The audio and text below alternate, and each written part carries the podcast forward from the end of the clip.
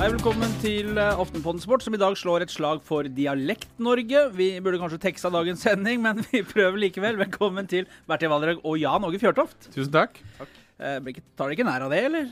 Nei, det er stor forskjell på oss, da, for det er jo en som er fra byen og en som er fra bygda. Selv om han vil si at det, han er fra drabantbyen eh, til Ålesund. Kommer fra ytre bydel i Ålesund, vet du.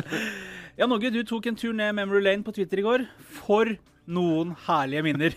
Ja, det var så rart, for jeg har konfirmasjon eh, med min yngste datter har konfirmasjon på lørdag, og så lette jeg etter noen bilder, og da kom jeg over en konvolutt med bilder fra 94. Og så begynte jeg å legge det ut på Twitter, og det syns folk var veldig gøy. Eh, og det er jo litt sånn, det er jo en, en tid som vi assosierer med gode minner og, og good feelings, og det var gøy. Det verste er jo at du husker jo bedre det som skjedde i 94 enn forrige helg. Men det er, det er et alders.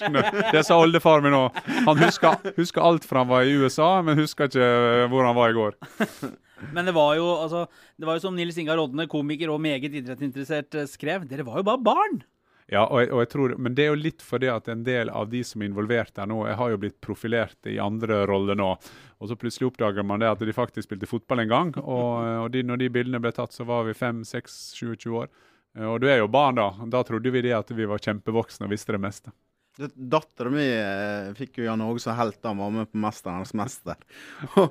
og, jeg prøver å forklare at han har jo faktisk spilt i eh, England og vært proff. Og, eh, og, eh, og rett og slett skåra mange mål for Norge. Jeg var ikke jo interessert. Jeg var mest interessert i 'Mesternes mester', Helt hva som ble sagt der. Og. Det er viktig at de store atletene holder sammen i enkelte TV-program. Ehm, planen var jo at vi eh, inviterte dere til å snakke om eh, Norges VM-kvalikmatch mot Aserbajdsjan på fredag, Tyskland på mandag. Men så skjedde det jo noe. Det har jo en tendens til å skje et og annet rundt landslagene våre. Eh, først nå så kommer boka til Adresseavisen journalist Birger Løfaldli, eh, der det kommer ramsalt-kritikk fra spillere fra bl.a. din generasjon i Norge. Ståle Solbakken, Rekdal heiv seg på, Ole Gunnar Solskjær meldte. Eh, Og Budskapet var jo at det ble mindre seriøst og proft etter at 90-tallsgenerasjonen ble vanna ut utover på 2000-tallet. Eh, Og Jon Arne Riise og Jon Carew ble jo trukket frem som eh, de to store profilene, men som kanskje ikke bar laget sånn som flere i din generasjon gjorde. Drillo tok guttene i forsvar, og så var det hele i gang. Og så kom meldingen om at Ada Hegerberg gir seg på landslaget. Eh, og hun sier til Aftenposten uh, at hun har At det er en langvarig misnøye altså, som har pågått i flere år. Hun føler at hun ikke passer inn. Uh, og det var vel ikke dette her NFF ønska seg en, når det var relativt rolig inn mot en VM-kvalikmatch på Ullevål. Nei, men er ikke all PR god PR? Vet ikke Ja, det er det? Det er jo helt utrolig at vi går altså inn i uh, Det er altså noen få dager til det skal være stortingsvalg i Norge. Det skal avgjøres hvem som skal styre landet vårt. Det skal om uh, 40 år skrives om en Støre-regjering eller en Solberg-regjering 2. Og så handler forsiden om hvor seriøse man var på 90-tallet. For en politisk nerd som meg selv, som eh, elsker valgkamp eh, og elsker fotball, så er jo dette her tidenes eh, avistide. Jeg har vært så heldig i denne valgkampen å få lov å også lede noen debatter, politiske debatter. Er det ny karriere nå, Ja, litt kan det. Det var fantastisk. Jeg var nede i Arendal og fikk lov å, i, å sitte sammen med de største politiske ekspertene og, og spørre de ut. Så for meg er dette helt fantastiske dager. Når det er sagt, eh, så er det klart at en eh, fotballspiller, Ada, takker nei til landslaget, det er først og fremst utrolig trist. Fordi, for det første at eh, Norge mister eh, en av sine beste fotballspillere. Og så er jo det veldig trist, for det å representere landet ditt det er jo noe av det største som finnes. Om du er politiker, om du er kulturbærer, om du er Eurovision Song Contest-deltaker, eller om du er fotballspiller, så er det å representere landet ditt noe av det største du kan oppleve. Så dette er rett og slett en veldig trist sak. Nå har jo saken rulla godt et par dager. Eh, Hva er inntrykket nå, når du på en måte har fått høre litt, eh, litt mer fra begge leire? Akkurat nå så uh, høres det ut som de ligger i hver sin skyttergrav og, og skyter i retning mot hverandre. Så jeg tenker at uh, uh, Prøv å røyke frihetspipe, bli enige og få for all del verdens beste kvinnelige fotballspiller til å representere Norge. Tenker tilbake til eh, 90-tallet. Da hadde vi verdens beste håndballspiller, eller i hvert fall verdens beste håndballkeeper. Hun plutselig sa jo nei til å spille for Norge. Cecilie Leganger, du tenker Ja. på? Ja. Eh, Det var jo litt andre grunner da, men, men Og det er jo ikke, Hun er jo ikke den første som sier nei til å spille for et landslag. Din Zidane han sa jo nei til å spille for Frankrike, og så kom han tilbake og var fantastisk i VM i 2006, før han skalla ned eh, Materazzi i finalen. Eh, Myggen sa jo nei til landslaget. Da fikk jo de henta han inn igjen. Jon Carew sa nei til landslaget, fikk jo hente han inn igjen òg. Så jeg håper virkelig at det, når dette roer seg litt, og så får de henne til å spille for Norge. Eh, nå trekker du frem store profiler. altså Myggen, Carew, Zidane, uh, uten sammenligning for øvrig. Eh, Jan Åge, er ikke plass til disse store profilene i et landslag sånn? Jo, det tror jeg. Det er absolutt plass til de store profilene. Vi må, vi må huske vår Eggen. Det er mange som har lest Godfoten, og så sier man det at og så misforstår man Eggen. Eggen sier at vi må være individuelt, kollektivt ansvarlig for prestasjonene. Og så ber han, han om å legge merke til rekkefølgen. Et godt lag består av gode individualister. Det som er vanskelig i denne saken, her, det er at det, vi har jo vi, de fleste av oss ser dette her utenfra. Mm. Uh, og da er det det eneste vi kan gjøre, uh, istedenfor å liksom fordele skyld, det er jo akkurat det som, uh, som Berthe sier. Det er jo punkt én at vi syns det er veldig veldig trist at ikke de beste spiller på landslaget. Og så håper for all del at det, det skapes en, en dialog. Uh, jeg hørte nettopp på, på, pressekonferansen som var på Ullevål stadion i dag, og da, da prater man hele tida om pause. Vi håper at Eh, Ada skal komme tilbake. Eh, fotballspilleren Ada elsker å spille fotball. Det har hun gjort eh, siden hun eh, var ei lita jente. Og det er klart at hun som alle andre drømmer om å spille et VM i Frankrike. Eh, og la vi håpe at eh, det går fortere enn vi tror, at hun kommer tilbake og skårer mål for Norge. Norge og kvinnefotballen i Norge de de fortjener både at det, det blir satsa på, fortjener at det, den interessen de har spesielt uh, gjennom mesterskap. Jeg satt jo og skrek i går men når LSK endelig klarte å skåre, naturligvis. Men, men, det krever at vi har de beste tilbake. Og så er det så veldig vanskelig, fordi at det, den debatten Jeg vet ikke, jeg har ikke klart ikke helt å få oversikt over hva, hva er det de er helt uenige om. og Det betyr det at da må du nesten være inne i møtene for å høre hva det er de har vært disputt om. 22 år gammel, har vunnet veldig mye, vært med på veldig mye på ganske kort tid. Kan det kanskje være å trekke seg litt tilbake, få sortert korta litt, renska hodet, og så kommer hun tilbake? Ja, så kan du si kan det være at det er litt stort ego. Det, det, det er veldig, som, som og Norge sier, det er veldig vanskelig å vite fra utsida. Men uh, det kan ikke være sånn at det er en én spiller eller enkeltspillere bestemmer hvem som skal trene et landslag, eller hvem som skal få jobben, eller hvem som skal sparkes. Da, eh, da er faktisk eh, eh, laget sitt behov eller laget sine ønsker viktigere enn enkeltspillere. Uansett hvor stor stjerne du er. Og ut fra de signalene fra lagkaptein Maren Mjelde og Karoline Gram eh, Hansen, så de har jo sagt at de ikke kjenner seg igjen i kritikken. Det, men det kan jo godt hende de sier bare for å prøve å eh, roe gemyttet her. Men eh, Jeg tror det er veldig viktig nå at eh, ting roer seg, litt som du sier. La, nå, la, man nå få det rommet man skal ha for å tenke etter. Mm. La man nå få tenke gjennom hva dette her handler seg om. Jeg er helt sikker på at Ada Hegerberg, som jeg kjenner henne, hun har hengt litt rundt eh, sønnen min. De er samme årsklasse, og de har vært på skolen sammen. Jeg oppfatter henne som jeg som elsker å spille fotball. Jeg er helt sikker på hun elsker overalt i verden å spille fotball for Norge. Og det er et godt utgangspunkt for NFF på et eller annet tidspunkt nå eller om en måned eller to måneder å sette seg sammen og få henne tilbake. Selvsagt så skal hun spille for Norge. Norge ikke bare at Norge er et vakkert land, som det heter i Drillo-sangen, men Norge er også et veldig lite land. Og for å sitere litt Nordahl Grieg, vi er så få i landet, så Norge trenger absolutt sine beste fotballspillere skal vi nå de målene og få den posisjonen som vi bør ha. Eh, jeg synes EM for kvinner forsvant litt i den diskusjonen vi hadde rundt det norske fotballandslaget. For jeg så svært mange av kampene, og det er faktisk imponerende utvikling som har vært innen kvinnefotball. Det er noen fotballspillere. Danmark hadde et par spillere som var fantastisk gode, nummer ni og nummer ti. Jeg skal ikke prøve meg på navnene engang.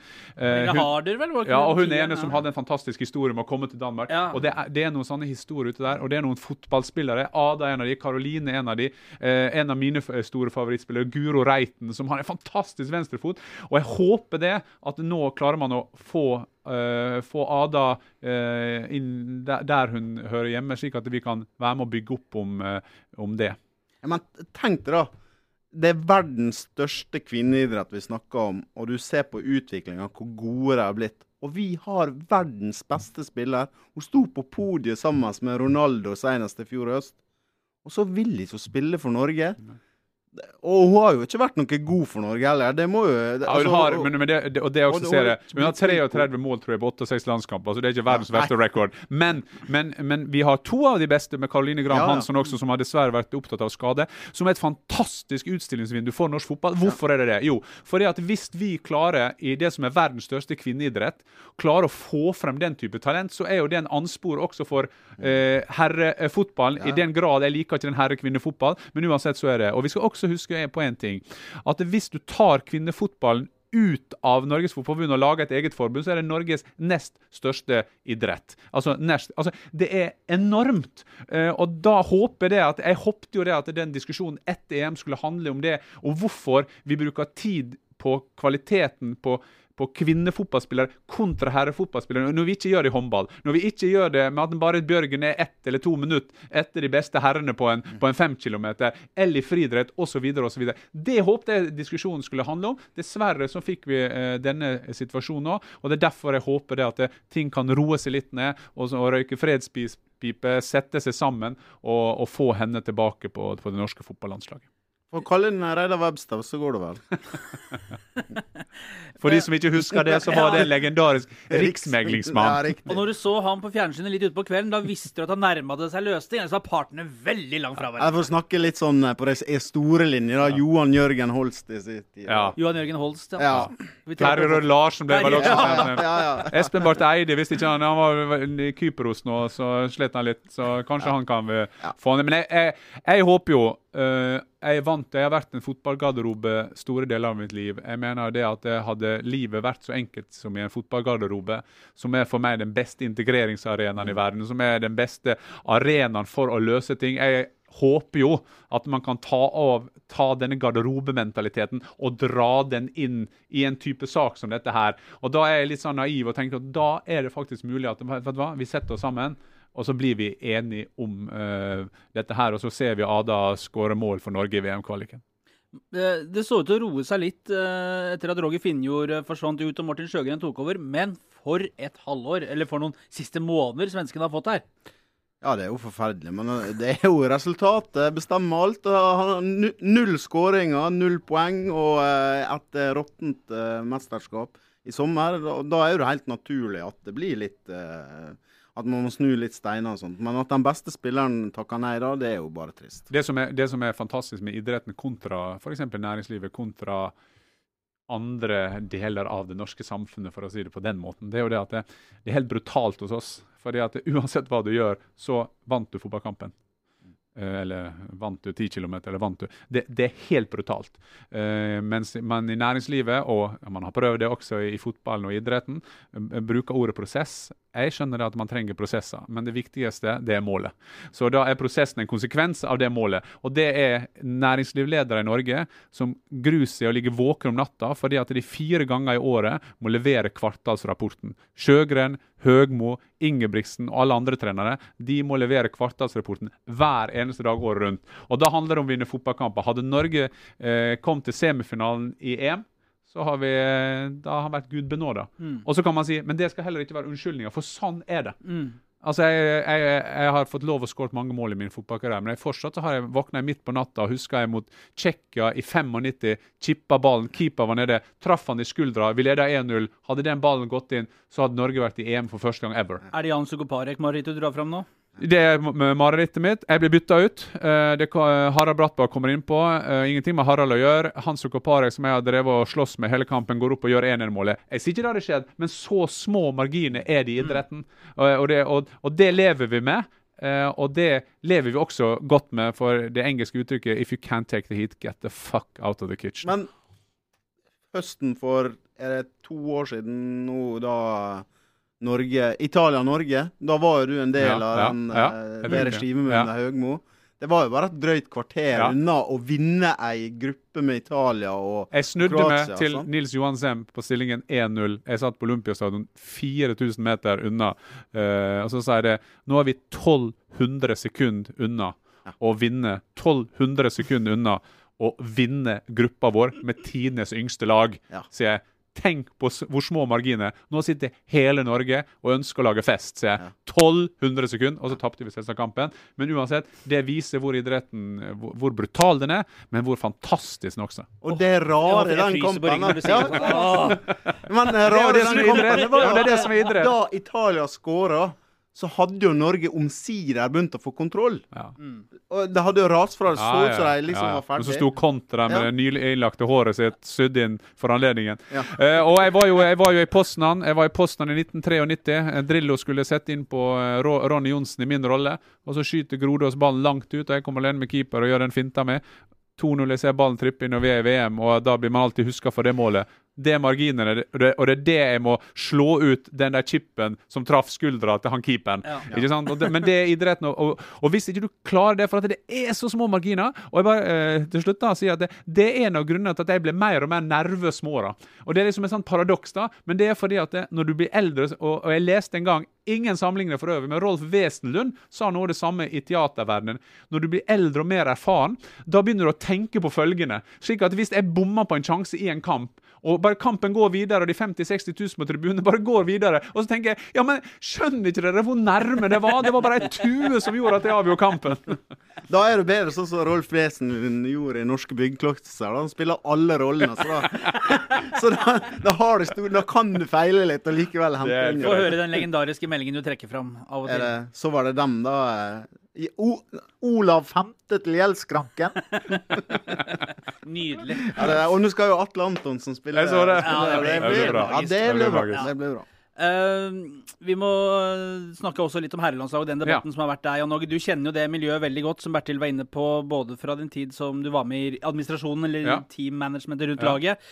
Også fra dine ti år som spiller på A-landslaget med 70 kamper og 20 skåringer. Hvis, eh, 71. 71 kamper. Ja. Norges Fotballforbund, her må dere oppdatere listene. Du har begynt sånn som Rune Bratseth når Mini sier at han har flere landskamper enn Rune. Så spør Rune hvem er det som har flest gode landskamper. det er der du har begynt nå, føler jeg. Det var 70 gode, altså. Ja, 71 Ja, 70 gode, ja. Og jeg husker den dårlige jeg hadde. Det var Bulgaria. Um, men trenger de altså Den diskusjonen nå da om at eh, om det ikke er så proft, eller var det når vi gikk fra å være best i verden til å bli en bakgårdsnasjon, for å bruke Birger Løfaldis egne ord på, på boka. Trenger de som eh, løser billett på Ullevål, kjøper drakter, har disse gutta som forbilde, være bekymra for at det ikke er seriøst nok og proft nok lenger? Nei, det tror jeg ikke. Uh, som du sa, jeg var, hadde perioden min spilt med landska, siste landskamp i 97 og hadde veldig sånn lite håp om å komme med i 98 etter at jeg gikk til Barnsley og Premier League, men for å si det, de tok med Mini som moromann isteden. Men, uh, men, men eh, så eh, og så begynte jeg rollen rundt eh, som eh, eks-fotballekspert i NRK. fulgte den. Så akkurat den perioden som var, som egentlig har vært mest omtalt i, i boka med Karev og Riise, det var jo en periode som var litt midt mellom det som jeg gjorde. Eh, jeg tror det, det er flere ting. Berthe var inne på det. Suksess, da er jo det, da er alt bra. Vi hadde jo en del ting, vi også, eh, på, i den Drillos-generasjonen på, på 90-tallet. kan si første generasjon Drillos, og så kommer det en, en gjeng til. Men det, det som er kanskje den, litt endringsvare, det er at den typen besto av en del potensielle ledertyper. Sånn så at det var en veldig sånn selvjustis i gruppa. Eh, og det ser du at mange av den gjengen har nå tatt forskjellige lederfunksjoner. Kan du si litt om hva den besto i? Ja, det var fordi at Drillo Drillo var jo egentlig ikke opp, Drillo var opptatt av hvordan vi skulle spille, og Drillo var opptatt av hvordan eh, hvordan vi fremsto på trening, at vi var gode på trening, at det var tøff konkurranse på laget. Eh, men alt utenom det har aldri brydd Drillo. Jeg har jo vært på NRK hos Viggo Johansen og krangla med Drillo om han var en god leder eller ikke. Og jeg mente han var god, og han mente han var dårlig. Så, eh, så, så, men, så vi hadde en sånn veldig selvjustis. Det var, det var, du kan si du hadde, en, du hadde Rune Bratseth og Erik Thorstvedt, som da kanskje var de eneste som var 100% sikre på laget, som var litt eldre enn oss. Så hadde du meg og noen som var akkurat det litt imellom. Jeg spilte min 25. landskamp i Drillo sin første kamp. Og så hadde du denne 69-generasjonen med Bohinen, Bjørneby, Roger Nilsen og Le- Leonardsen. Den gjengen som kom inn. Så du hadde den gangen en veldig, veldig god balanse i laget. Slik at det, du hadde, det gikk an å si fra å ja, jeg krangla med Tore Pedersen, jeg krangla med den og den. Men, men, det, men det skapte en sånn at vi, vi var inne der. Jeg var en involist. Jeg ønska å skåre de målene, men da var jeg helt avhengig av at Mini var god på venstresiden. Mm. Jeg var helt avhengig av at Jostein Flo vant duellene sine, så jeg kunne ta eh, andre ballene. Det som jeg opplevde i neste generasjon, da, de som kom etter oss. Både Jon Carew og Jon Arne Riise, som har vært veldig det har vært veldig diskutert rundt om. De har jo hatt helt fantastiske fotballkarrierer. Men jeg tror ikke de, var en del av uh, en, gruppe som hadde akkurat den samme balansen i laget. Det var kanskje de som skulle være lederne, det var kanskje ikke akkurat den type ledere som, som var før de. Uh, så kommer da en ny gjeng, som da er et produkt av det igjen. Og de siste årene så vil jeg si det at det, en av de store manglene med landslaget har vært at det, det, det, har ikke vært noe mellom. Altså, Landslaget har bestått av veldig mange spillere på samme utviklingssteg i karrieren. Slik at vi har bygd opp dette laget som var i Israel, som fikk tredjeplassen. ikke sant, Og så slutta Hangeland. Så det har ikke vært den balansen i laget. Så det har ikke vært en Rune Bratseth som kunne vært der og vært lederen med, med L, men, men, at gutta er seriøse, at gutta eh, vil gjøre eh, sitt beste for Norge, det behøver ikke folk å tvile på.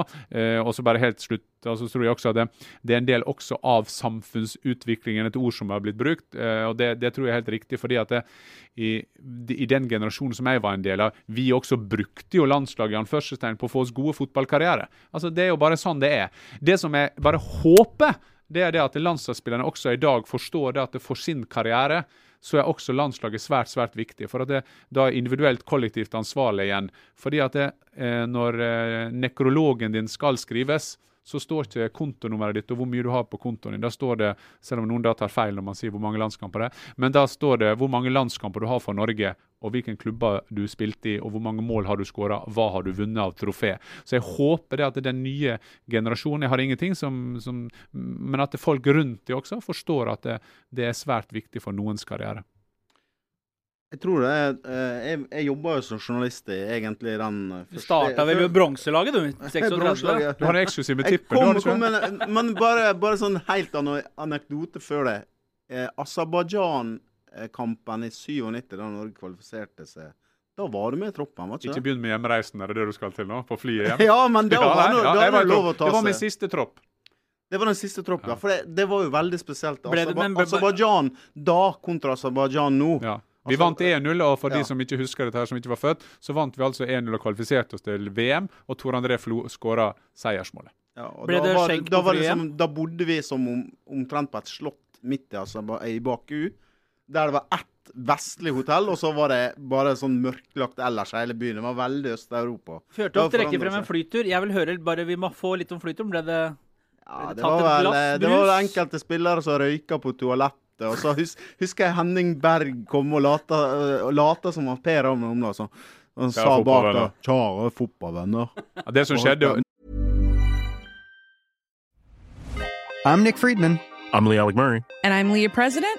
And this is Crunchyroll Presents The Anime Effect. We are a new show breaking down the anime news, views, and shows you care about each and every week. I can't think of a better studio to yeah. bring something like this to life. And yeah, I agree. We're covering all the classics. If I don't know a lot about Godzilla, which I do, but I'm trying to pretend that I don't right Hold now. it in, hold on. And our current faves. And... Luffy must have his due. Tune in every week for the latest anime updates and possibly a few debates. Oof. I remember, what was that? say what you're going to say, and I'll circle back. You can listen to Crunchyroll Presents The Anime Effect every Friday wherever you get your podcasts, and watch full video episodes on Crunchyroll or the Crunchyroll YouTube channel.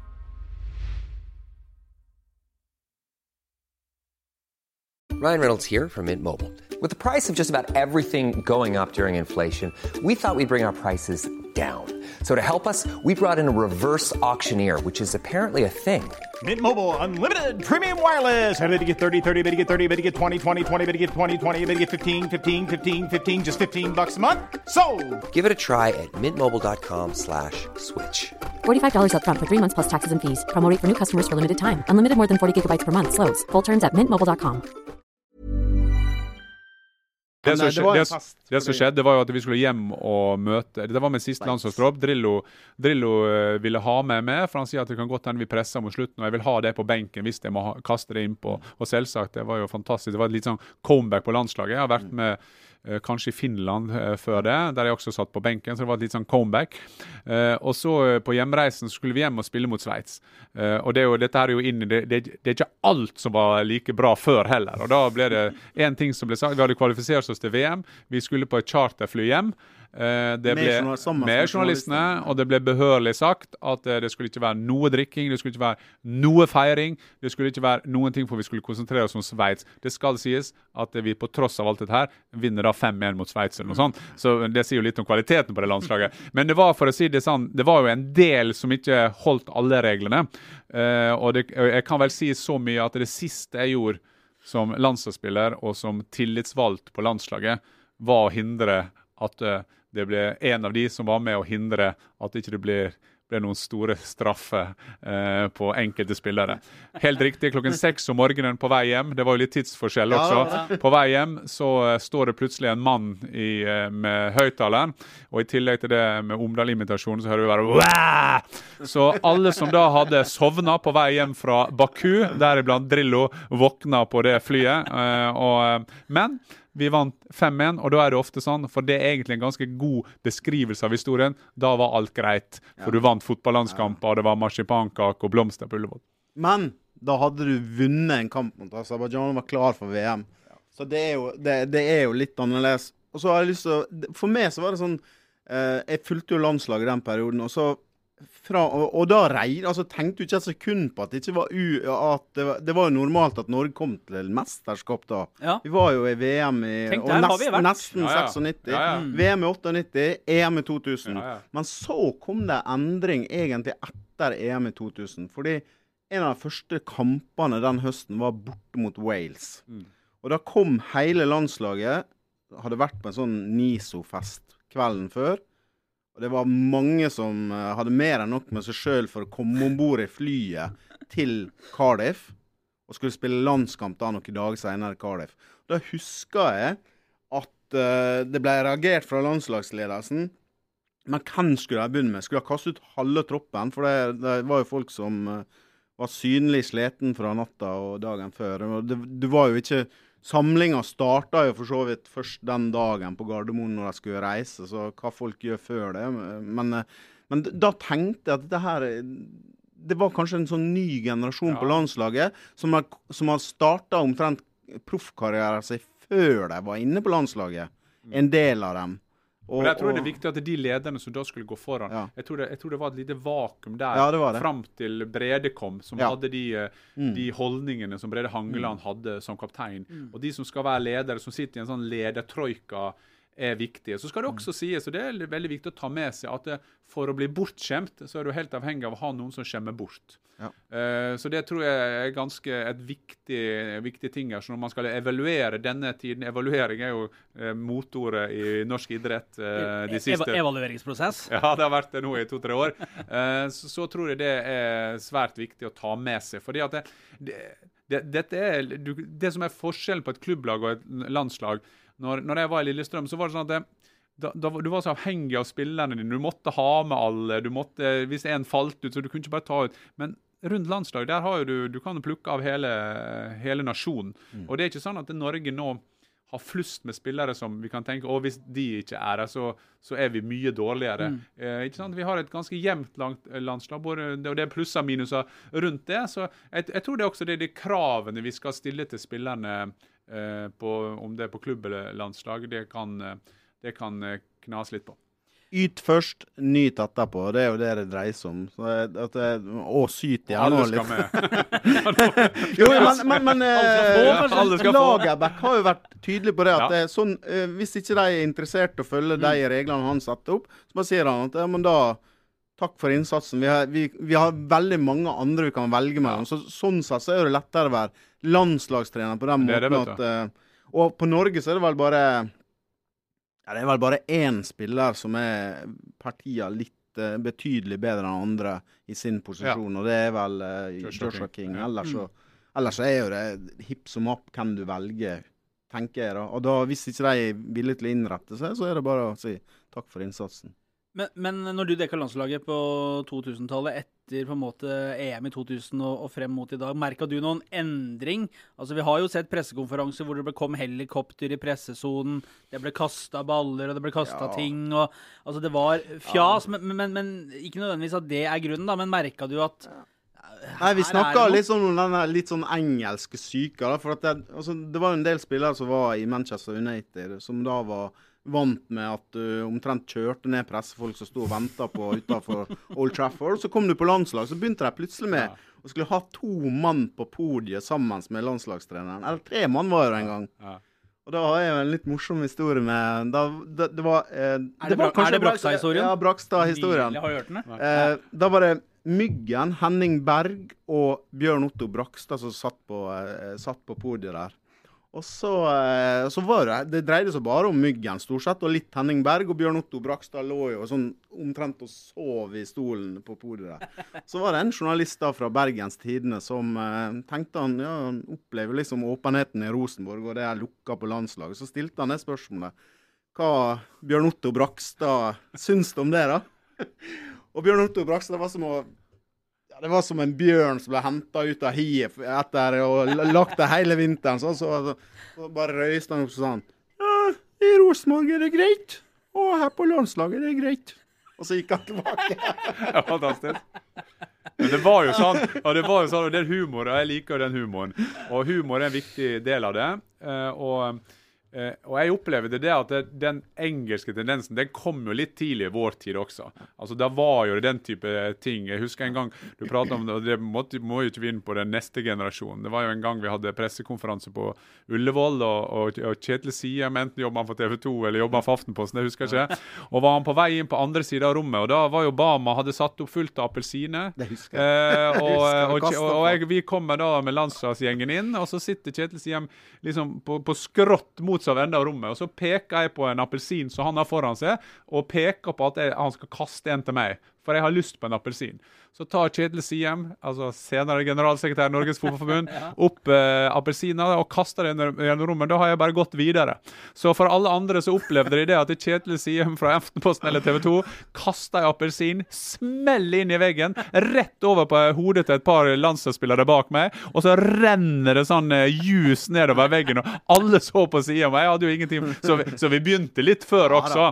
Men, men, men det kom en sånn gjeng som, som tok det til det neste steg. Og det var jo livlige gutter ikke sant? Med, med Henning Berg og, og Alf Inge Haaland, som, som var jo enda nesten villere enn oss. Eh, Men, eh, men mm, altså 99 av det var faktisk veldig gøy. og det var en, de- Jeg tror det var en del av suksessen til landslaget, eh, også i den neste generasjonen. Men så kan jo vi alltid mobbe en Karev og en Riise da og spørre dem hvor mange mesterskap de har spilt i. Ikke sant? Det er jo det privilegiet vi vil ha. Og så er det litt en annen ting. fordi at det, vi sier nå det er så lenge siden vi har kvalifisert oss til et mesterskap. I 93 så var sist gang 38.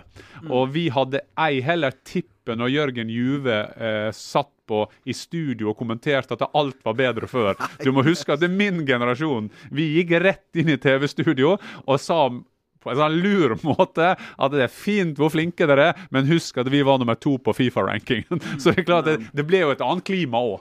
Det var jo en fra din generasjon på landslag nå som var ute og mente på at eh, Joshua King hadde flaks som hadde skåra x antall mål i Premier League. Da tenker jeg at det gir nå gutten honnør for at han Han viser da til Erik Torstvedt, eh, som jeg da faktisk var litt uenig i måten han sa det på. Så har jo eh, han nyansert litt det han sa. Men hvis du skårer 16 mål i Premier League, så mener jeg at da mener jeg personlig at da skal du være kandidat til årets idrettsutøver på Idrettsgallaen i, eh, på, på, eh, uansett hvor den er. Eh, noe jeg ikke tror han er, men å skåre der på det krever mye, mye mer Og han, er, han var jo kjempegod mot City sist helg. Korrekt. Og hadde et stangskudd. Altså, eh, og det er, jo, det er jo stang inn og stang ut. Ja.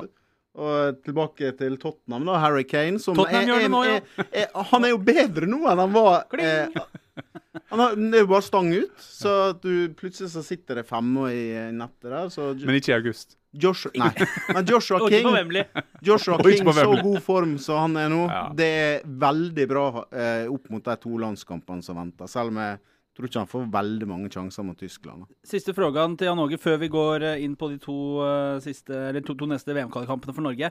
Syns du Carew og Riise har fått eh, for mye og ufortjent pes altså som, som to profiler i den generasjonen da det ikke gikk spesielt bra? Jon Arne Riise har 110 landskamper for Norge. Han vant Champions League-finalen i 2005 og spilte vel i 2007 igjen. Han har spilt for Liverpool, han har spilt for Roma, han har spilt eh, nesten overalt. Jon Arne Riise har hatt en fantastisk fotballkarriere.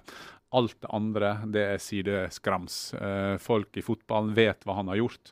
Eh, og så har han som mange andre gjort en, uh, vært uheldig med en del ting og gjort noen feil. Det er en del av det med fotballspilleren Jon Arne Riise.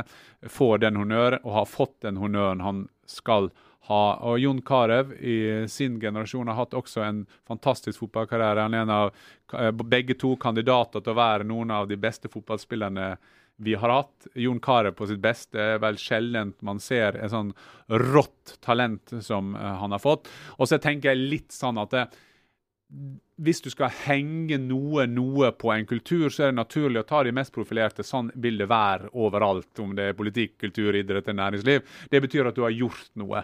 Jeg tror at Jon Arne Riise De har litt forskjellig inngang til dette her. Jeg ser jo Carew har jo bare han bare flirer jo det unna som han gjør med det meste. Og Jon Arne har gått litt i krigen for det. Jeg tror Jon Arne og ja, kanskje Jon Arne spesielt skal roe seg helt ned på det at vi som kjenner fotball, alle som kjenner fotball, vet at Jon Arne har hatt en helt fantastisk fotballkarriere.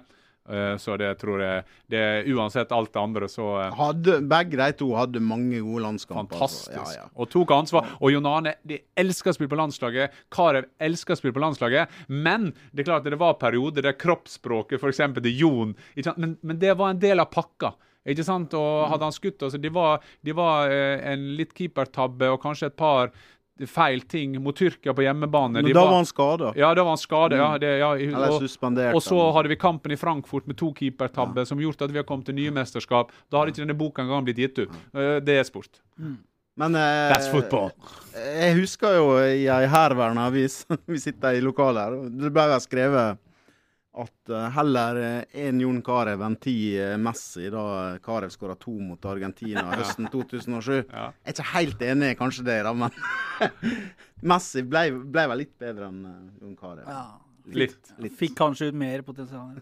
Men akkurat den kampen så var Jon Carew Vi prater jo fortsatt om Høgli når han kontrollerte, kontrollerte Ronaldo på Ullevål. Korrekt. Og vi husker også vår norske skøyteløpers topp runde på Hamar da han sjokkerte Kramer! Ja. Og Kramer var jo så sjokkert at han har bare vunnet 700 mesterskap etterpå, og vant også distansen den gangen. Ja, så, så, så, det er jo det som er helt fantastisk.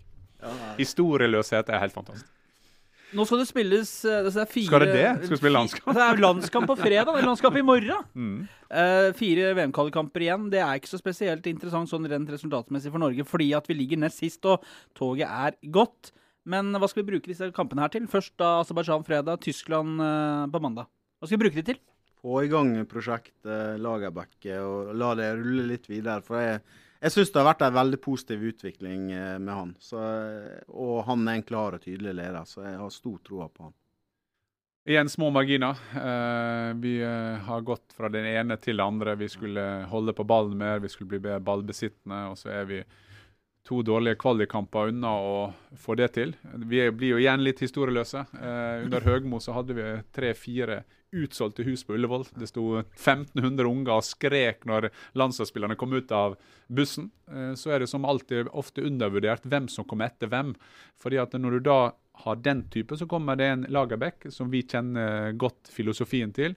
Nå må han finne sin måte å, å jobbe på, slik at han kan angripe i, i, i, neste kvalik. Få med seg den gjengen. Litt mer gjenkjennelig for oss uh, som, som, har fulgt norsk fotball i, i mange, mange år. Og så er jo det håp om at disse landskampene, spesielt mot eh, Tyskland, hvor du møter eh, de beste fotballspillerne i verden De sendte C-laget sitt og vant Confederation Cup, for å sette det i et perspektiv. Og U21-landslaget tok EM-gull i sommer. Helt riktig. Og, og, og, og, da er jo det en referanse for oss.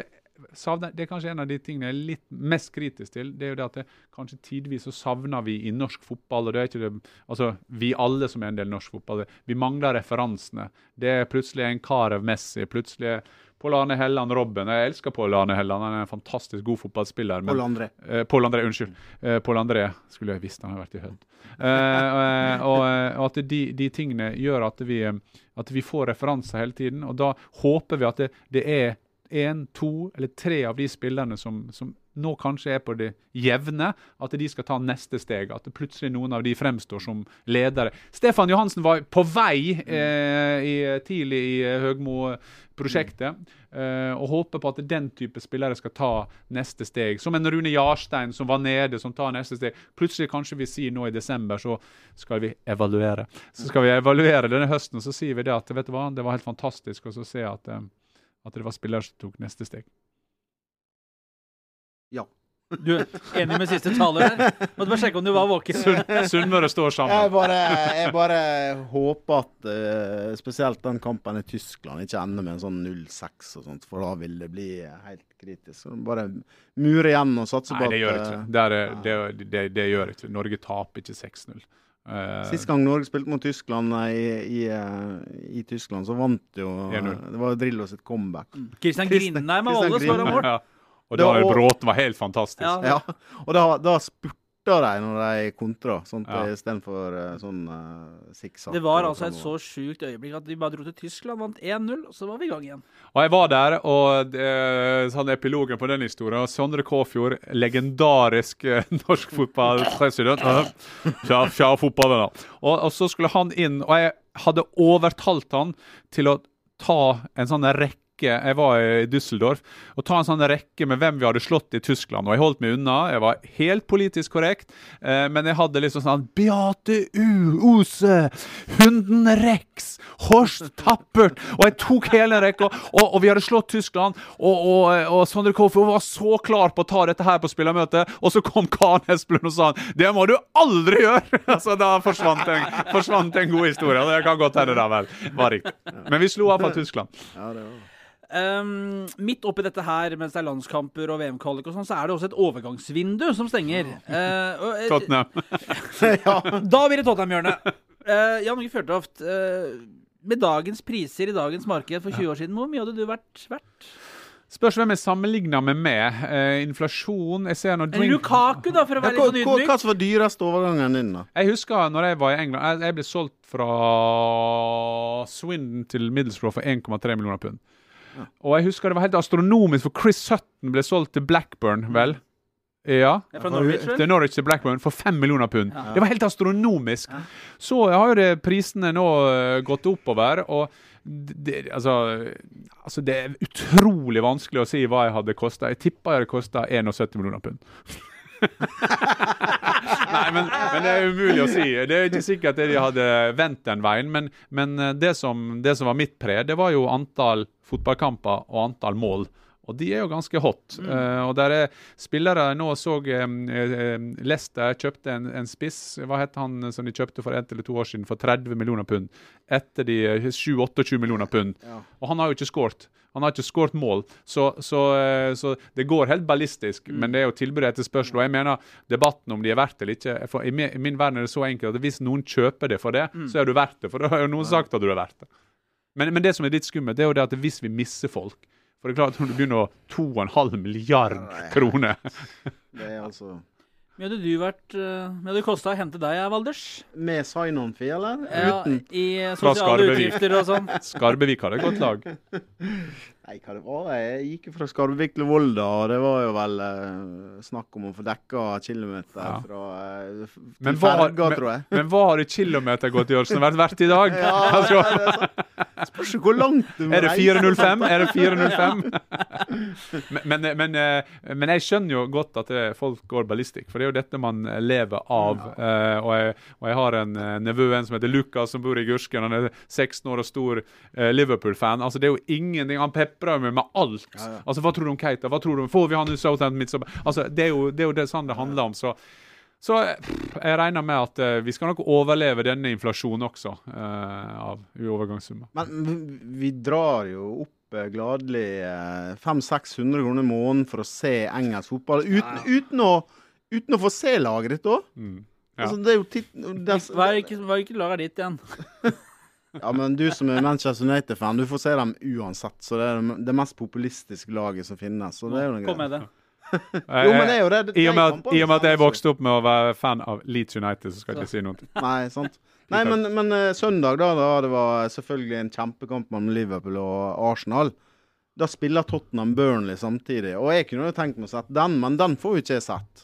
Jeg får sett den på eh, Premier eh, med sånn eh, målshow, så jeg får sett skåringene. That's it. Og, nå- men, men sant, vi, vi, det jo, vi betaler det fortsatt, og vi, når vi drar over, så, så kjøper du billetter til 1500 kroner, 2000 kroner for å se en kamp og sånt. Og, og så sitter vi samtidig og ergrer oss over utviklinga. Ja, da kan vi sette oss ned og si ja, men da driter vi i å betale, da.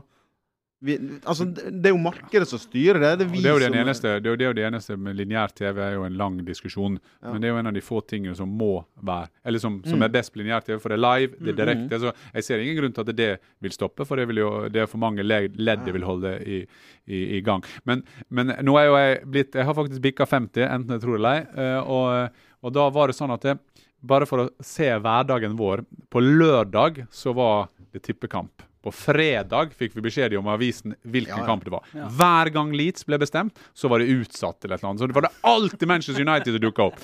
I 77, vel rundt der, så gråt jeg mine modige tårer når Joe Jordan og Gordon McQueen gikk til Manchester United. Når vi satt og så på Sportsrevyen, som alltid begynner klokka 21.15, så kom tippekupongen, og da hoppet vi. Vi hadde en drøm. Vær så snill, NRK, skriv også øvrige resultater. Dette her er ett og et halvt døgn etter at kampen gikk. Og så av og til fikk vi øvre resultater, sånn som vi så hvordan det hadde gått med Leeds. Hvis ikke så var det Summersposten som kom med postmannen vår, som heter Asbjørn, og han leverte alltid avisa så sent. Så da visste vi faktisk ikke kanskje at, eh, hvordan det hadde gått med Leeds før to og et halvt døgn etterpå. Men Summersposten var jo ledende på engelsk fotball. da. Ja. Gunnar Lorgen. Gunnar Lorgen. Gamle Burnley-fan. Han, eh, han, han satt jo og hørte på BBC radio og hadde alltid en sånn inn mot Vi hadde ikke radio engang, vi.